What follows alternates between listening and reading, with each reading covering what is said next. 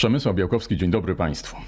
Są trudno dostępne dla człowieka, ale dzięki temu stanowią świetny azyl i dobrze chronią wiele gatunków roślin i zwierząt. Dziś porozmawiamy o terenach podmokłych, o bagnach, mokradłach, torfowiskach. Razem ze mną Piotr Otremski, rzecznik Generalnej Dyrekcji Ochrony Środowiska. Dzień dobry Piotr, witaj.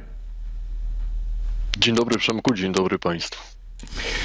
Zacząłem od tego, że te tereny podmokłe są bardzo ważne dla wielu gatunków roślin i zwierząt, że niedostępne dla człowieka, ale człowiek też na nich korzysta. Może nie do końca bezpośrednio, ale pośrednio. E, mowa o zmianach klimatu, o tym w jaki sposób te tereny pomogłe, podmokłe e, pozwalają chronić nasz klimat. No właśnie, to zacznijmy od tego, w jaki sposób. Sytuacja wygląda w ten sposób, że dzisiaj e, w 2023 roku nasza świadomość, jeśli chodzi o funkcjonowanie mokradeł, o korzyści, jakie płyną z mokradeł, jest nieporównywalnie większa niż świadomość jeszcze w połowie wieku ubiegłego, nie mówiąc już o stuleciach, które dawno, dawno za nami, ale o tym mam nadzieję też, też będzie okazja, żeby powiedzieć. Te najważniejsze funkcje mokradeł są rzeczywiście w kontekście zmian klimatycznych nieocenione. Mokradła e, przede wszystkim e, wiążą e, węgiel, magazynują węgiel i sytuacji, kiedy mokradła są zalane wodą, no to jesteśmy bezpieczni, ale kiedy, ten, kiedy mokradła wysychają, dwutlenek węgla dostaje się do atmosfery, co jest zjawiskiem bardzo niepokojącym. W sytuacjach zagrożenia powodziowego mokradła też działają amortyzująco, można powiedzieć, a z kolei w okresach suszy na które musimy się y, przygotować. Musimy mieć świadomość, że także w Polsce żyjemy w czasach, w których jesteśmy narażeni w okresie letnim na zagrożenie suszą, a nawet pustynnieniem. Więc w okresie suszy mokradła oddają bardzo powoli wodę. Co ważne, oddają wodę już oczyszczoną, przefiltrowaną. To jest fantastyczna funkcja torfu, który y, niczym gąbka, niczym właśnie taki filtr e, oczyszcza wodę z metali ciężkich, no i dzięki temu ta woda e, pozyskana z mokradeł może służyć e, jako woda do picia. Trzeba sobie też uświadomić, że przecież tak ogromna część naszego globu pokryta jest wodą, a z tego wszystkiego tylko 1% nadaje się do picia. To nie za dużo. No to ja się zastanawiam w takim razie, komu i dlaczego przeszkadzają te mokradła? Dlaczego one znikają? Bo przez ostatnich 50 lat degradacji uległo 35% mokradeł na całym świecie.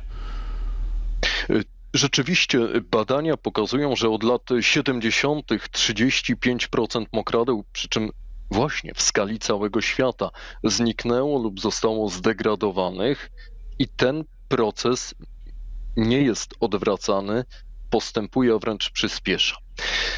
Ale tutaj wróciłbym do tej myśli, od której zacząłem, kwestia świadomości. Trudno jest dzisiaj mieć pretensje e, do e, króla Zygmunta III Wazy, że za jego czasów tereny obecnej Białęki na Które jest dzielnicą Warszawy, były osuszane. To były potrzeby osadnictwa, potrzeby rolnictwa tereny takie zalane były bezużyteczne. Inny przykład też, y, jeśli pozwolisz, z warszawskiego podwórka, pewnie każdy warszawiak wie, gdzie jest ulica Żurawia, jeśli y, ktoś spoza Warszawy, to każdy wie, gdzie jest Pałac Kultury. Proszę sobie wyobrazić, że dzisiejsza ulica Żurawia, jakiś 200, najwyżej 500 metrów od Pałacu Kultury, czyli ścisłe centrum miasta, wzięła swoją nazwę od rzeki Żurawka. No to już ciekawa rzecz, rzeka w centrum Warszawy i nie chodzi o Wisłę. Z kolei Żurawka wzięła swoją nazwę, może się kojarzyć z żurawiami, ale tak naprawdę wzięła swoją nazwę od żurawiny błotnej, czyli rośliny, która jest zależna od mokradeł, bo ten teren był jednym wielkim mokradłem i trudno mieć zarzut y, czy pretensje do pana Lindleya, który w Warszawie budował sieć wodociągowo-kanalizacyjną, że ta rzeka została wprowadzona pod ziemię i że dzisiaj y, tych mokradeł tam nie ma. To były potrzeby cywilizacyjne, natomiast dzisiaj y, jesteśmy wręcz zobowiązani do tego, żeby ten rozwój naszego kraju postępował w sposób zrównoważony. Dlatego też coraz większe środki są angażowane e, w celu ochrony mokradeł, a tam, gdzie jest to możliwe, po prostu ich odtwarzania. No to wyobraźmy sobie, przenieśmy się na taki teren, suniemy sobie gdzieś po cichutku taką e, łódką czy kajakiem, rozgarniamy tę trzcinę. E, no i co my możemy tam zobaczyć? Jakie jest to bogactwo już na naszym, tym rodzimym podwórku? Bo, bo zacząłem od tego, że to jest schronienie niedostępne dla człowieka, schronienie dla wielu gatunków. Jakich? Rzeczywiście tak przez wieki y, to postrzegano. Już odpowiadam na Twoje pytanie, tylko krótkie wprowadzenie, bo oglądajmy się na teksty kultury, baśnie braci Grimm, inne, malarstwo, Fałat, y, Malczewski, y, Chełmoński. Te mokradła są tam obecne i rzeczywiście no, można jakoś tym żyć, obcując z tymi tekstami kultury. Jak się zanurzymy w, w mokradła, w tereny bagienne, jakąś łódeczką po rzece przepłyniemy, to będziemy w innym świecie. W świecie pełnym różnorodności biologicznej. To też jest hasło y, powtarzane coraz częściej, ale rzeczywiście żyjemy w czasach kryzysu różnorodności biologicznej, a mokradła stanowią, stanowią miejsce do życia niezliczonej ilości, niezliczonej liczby y, gatunków zwierząt i roślin. E, na zlecenie Generalnej Dyrekcji Ochrony Środowiska e, powstał film o narwi. Narew swoje źródła bierze nie gdzieś w górach, jak część rzek, a właśnie na płaskim terenie, na mokradłach, niedaleko za granicą Polski, na terenie Białorusi. Z tych bagienek, mokradeł wypływają źródła Narwi, która następnie już na obszarze Rzeczypospolitej się rozszerza, warkoczuje, czyli płynie różnymi odnogami. Jak ktoś obejrzy sobie ten film, no to znajdzie odpowiedź na Twoje pytanie. E, e, najpierw może ptaki. Na terenie, e, na terenach doliny Narwi żyje kilka tysięcy gatunków ptaków. Y, tutaj y, możemy wymienić puszczyka mszarnego, suweczkę, która w pobliskich lasach żyje, żuraw, bielik. No a Symbolem Narwiańskiego e, Parku, e, Narwiańskiego e, Parku Narodowego jest błotniak w locie, który jest w logo Parku Narwiańskiego, który unosi się nad tymi terenami mokradły, mokradłowymi i jest, no właśnie, tak jak powiedziałem, takim ikonicznym skojarzeniem z mokradłami. Ale poza tym, nie wiem, wodnik, kureczka zielona, brzęczka, beka skrzyk, gęgawa, całe, no, raj dla ornitologów i tych, którzy y, y, lubią obserwować ptaki. Roślinność mokradłowa, storczyki, które są takimi wskaźnikami zmian. Jak coś złego dzieje się na mokradłach, to storczyki jako pierwsze przestają tam żyć. Więc jak znikają storczyki, znaczy, że dzieje się coś złego. W tym rejonie narwiańskim storczyki na szczęście mają się nieźle. E, mamy taką roślinę jak czarcik, e, przepraszam, e, czarcikens łąkowy, który w wierzeniach ludowych traktowany był jako takie ziele magiczne do odczyniania uroków to są rośliny już w dużym stopniu y, y, ginące, więc tym bardziej trzeba chronić te ostatnie miejsca, w których występują, chronić mokradła, bo to jest ich miejsce y, życia. To tak w największym skrócie, bo można by się rozwodzić, można by mówić o motylach, które też są takim świadectwem różnorodności biologicznej.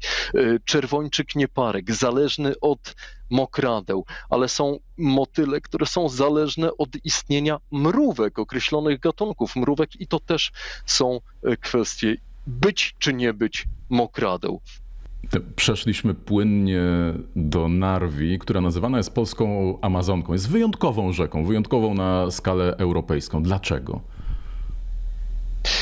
Przede wszystkim e, ze względu na ten odcinek e, na terenie Narwiańskiego Parku Narodowego.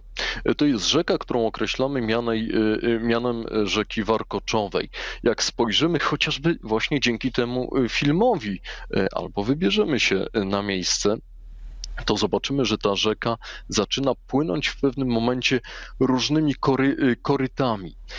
Ona się rozgałęzia. To są labirynty labirynty korytarzy rzecznych. To jest ewenement na skalę Europy, jedna z nielicznych takich rzek na świecie, więc zasługuje na to miano Amazonki, y, Amazonki Europy, Amazonki Polski. I w naszym filmie rzeka, wypowiadając się e, pierwszoosobowo, y, przyznaje, że, że jest z tego dumna. Zresztą chcę podkreślić, że ten film jest naprawdę pięknie zrealizowany, wciąga to dzięki w dużym stopniu tej narracji pierwszoosobowej. Rzeka opowiada o sobie, co widzi, e, w jakie relacje wchodzi ze zwierzętami, z roślinami, ale także z ludźmi, co jest bardzo ważne.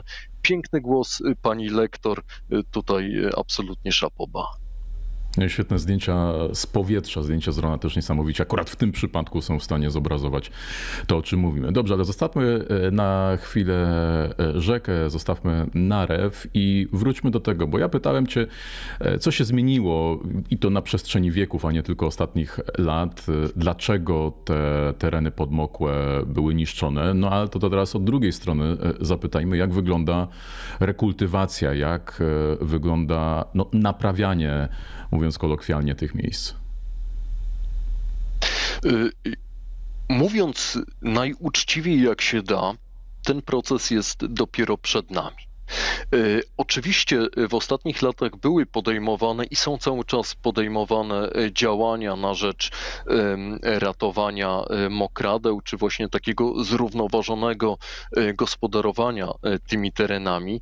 Natomiast z pewnością mówiąc kolokwialnie, dopiero zadzieje się. W zeszłym roku w listopadzie została podpisana umowa na realizację projektu LIFE.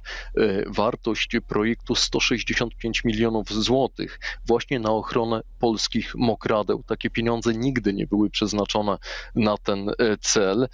Tutaj tak mogę powiedzieć, gospodarzem tego projektu jest Ministerstwo Klimatu i Środowiska, natomiast Generalna Dyrekcja Ochrony Środowiska jest współbeneficjentem. A na czym to e, właściwie polega? Natomiast... Czy to jest bardziej ochrona, czyli mówię oczywiście symbolicznie to... otoczenie mhm. tego e, ochroną, zakaz wstępu, kampanie informacyjne i tak dalej, czy jednak realna naprawa, czyli e, kwestie związane z, z melioracją, z odpowiednim, nie wiem, przekazaniem, udrożnieniem niektórych miejsc?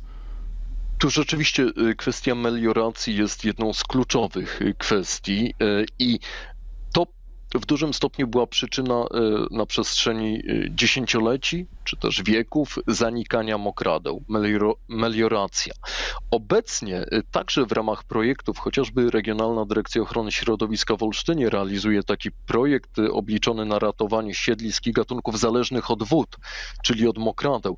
I tam stosowane są różnego rodzaju rozwiązania inżynieryjne, właśnie na tym zastanym systemie melioracyjnym, które jednak umożliwiają pewną regulację. E, są robione zastawki i kiedy trzeba, po prostu można e, tę wodę dwukierunkowo e, po prostu puszczać. Oczywiście można powiedzieć, że przyroda tutaj jest w stanie zadziałać samodzielnie bobry, tamy bobrowe przyczyniają się do spiętrzania wody i w wielu miejscach ta działalność bobrów jest bardzo pożyteczna i właściwie można by było zostawić e, tutaj sprawy przyrodzie. Natomiast no właśnie, trzeba bo, pamiętać bo wkraczamy, o to jest bardzo że, ciekawe że... zagadnienie i takie chyba odwieczne pytanie. Na ile tej przyrodzie pomagać, Tutaj jest bardzo wiele różnych e, analogii, no choćby słynny kornik, a, a na ile e, no jednak zostawić ją samą w sobie i czekać, aż się sama odbuduje. Czy tutaj z takimi problemami w no kwestii właśnie, i w tym momencie nie mogłem... Też to, to nie był dla mnie dobry moment na postawienie kropki, bo tutaj zawsze musi być pewne zastrzeżenie. Zostawmy y, na tyle, na ile może y, przyroda działać samodzielnie, niech to robi, natomiast y, musimy uwzględniać kwestie, których przyroda nie widzi po prostu po pierwsze, zagrożenie powodziowe na wielu terenach bardzo poważne. Po drugie, te tereny, które zostały zajęte w poprzednich już dekadach czy stuleciach na rolnictwo, na inną działalność człowieka, do której człowiek przywykł. No, nie można tego tak z dnia na dzień przekreślić. Więc tutaj trzeba po prostu ważyć różne interesy, bo bobry, o których powiedziałem, które są fantastycznymi zwierzętami e, i mają swój ogromny udział w rekultywacji tych mokradeł, no są takie tereny, gdzie bobry po prostu przyczyniają się do e, potęgowania zagrożenia e, powodziowego i tutaj trzeba odpowiednio reagować. Aczkolwiek jeszcze dodam, e, tu na pewno ogrom, bo jak będzie wyglądała realizacja tego projektu, który wywołałem, to chyba z mojego punktu widzenia jeszcze za wcześnie, żeby tutaj mówić o konkretach. Y, natomiast, natomiast ogromną rolę y, gra kwestia budowania świadomości społecznej.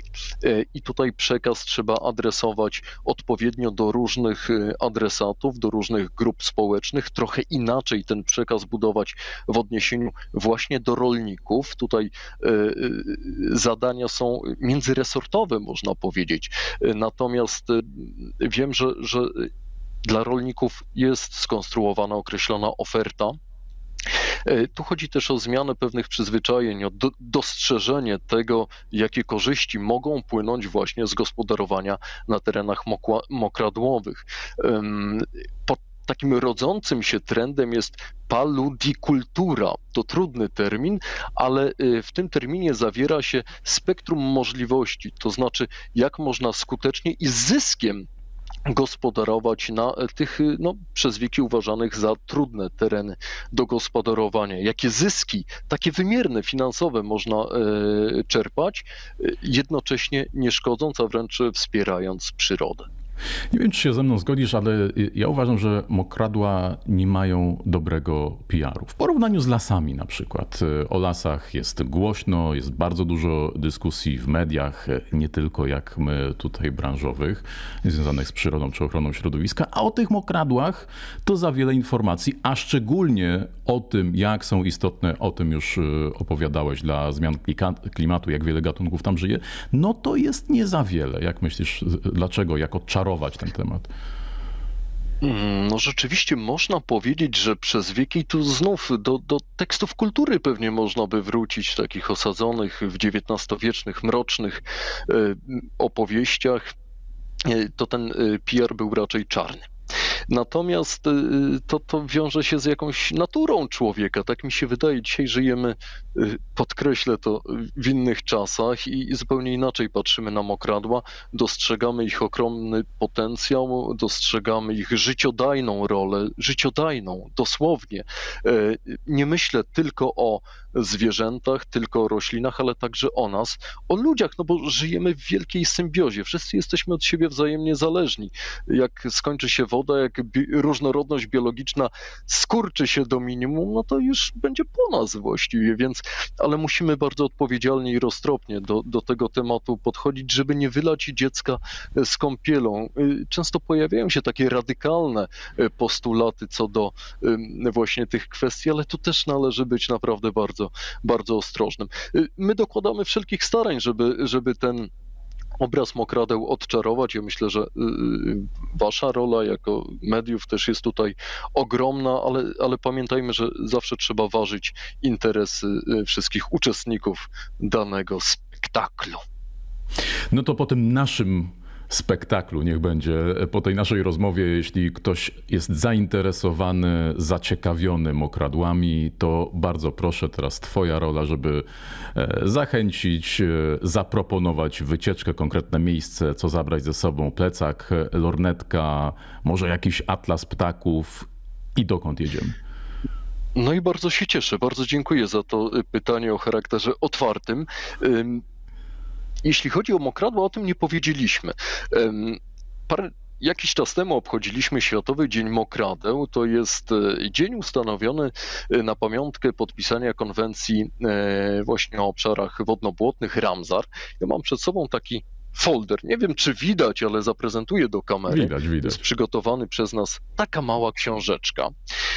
W tej książeczce jest informacją mapy, są ilustracje i to, to wszystko są informacje o obszarach Ramsar w Polsce. Takich obszarów jest 19 i to właśnie są znakomite miejsca destynacji, jeśli ktoś jest zainteresowany mokradłami i wszystkim, co z tym związane.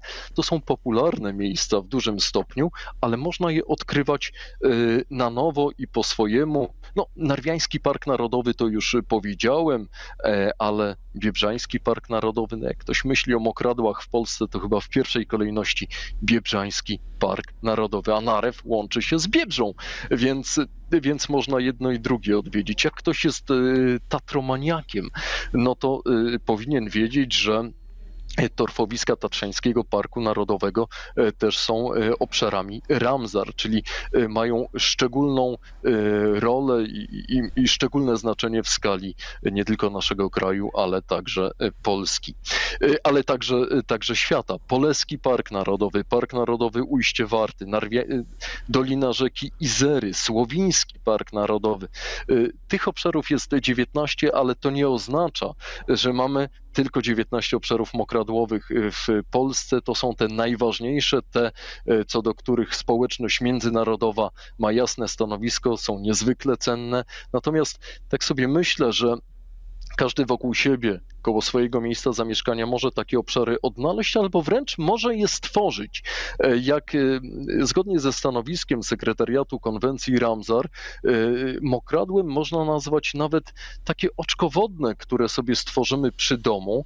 I teraz bardzo ciekawe zjawisko. Zakładamy oczkowodne, nie wprowadzamy tam intencjonalnie, no, życia, to znaczy nie kupujemy gdzieś ważki i jej tam nie, nie osiedlamy, tworzymy pewne warunki i życie nagle zaczyna samo znajdować to miejsce i miejsce zaczyna żyć. I to są też te, te małe rzeczy, do których podejmowania małoskalowe działania, do których podejmowania e, zachęca e, także sekretariat Ramzar, a dodam, że Krajowy Sekretariat Ramzar jest w Generalnej Dyrekcji Ochrony Środowiska akurat.